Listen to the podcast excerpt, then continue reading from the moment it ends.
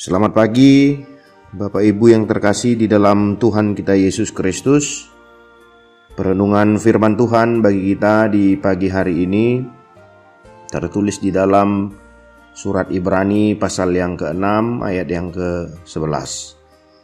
Tetapi kami ingin supaya kamu masing-masing menunjukkan kesungguhan yang sama untuk menjadikan pengharapanmu suatu milik yang pasti sampai pada akhirnya Demikian firman Tuhan.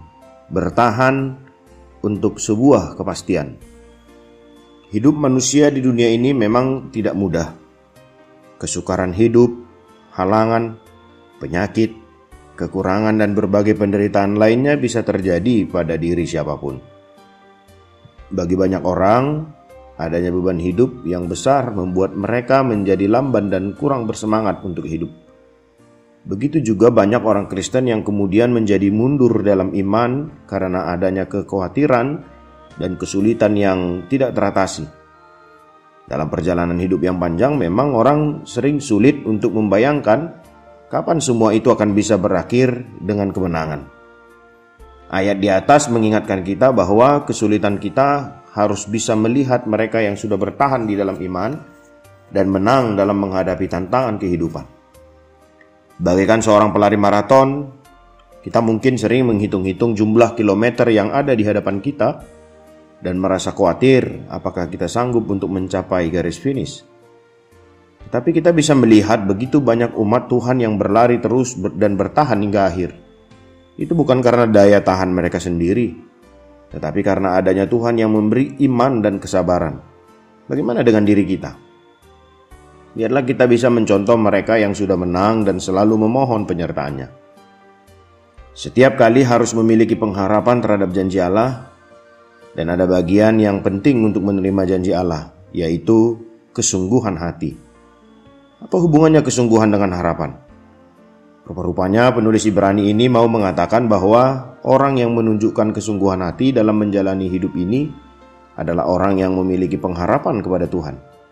Sekalipun apa yang mereka harap-harapkan itu tak kunjung tiba, tetapi mereka memiliki kesungguhan hati dan buahnya adalah kesabaran.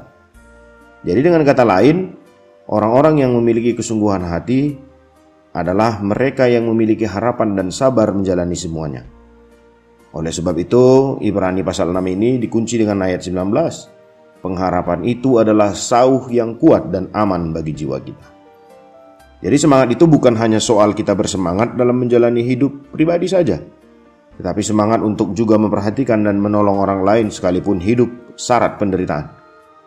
Jadi ketika kita bicara soal semangat, kita tidak hanya teriak-teriak semangat, semangat. Tetapi semangat adalah nilai hidup yang mesti dihidupi. Dengan semangat pula, kita akan terus menapaki jalan hidup ini yang penuh dengan pengharapan. Kembalilah kepada firman Allah. Tuhan memberkati.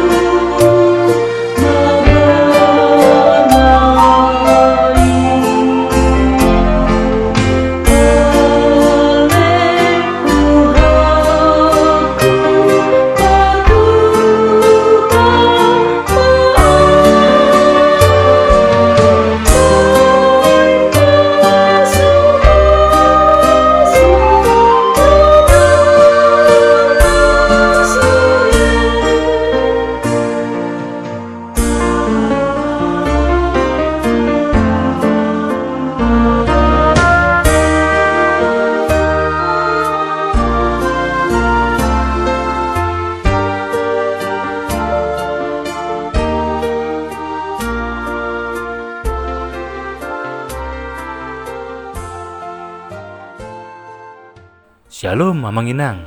Terima kasih sudah mengawali hari dengan mendengarkan renungan hari ini.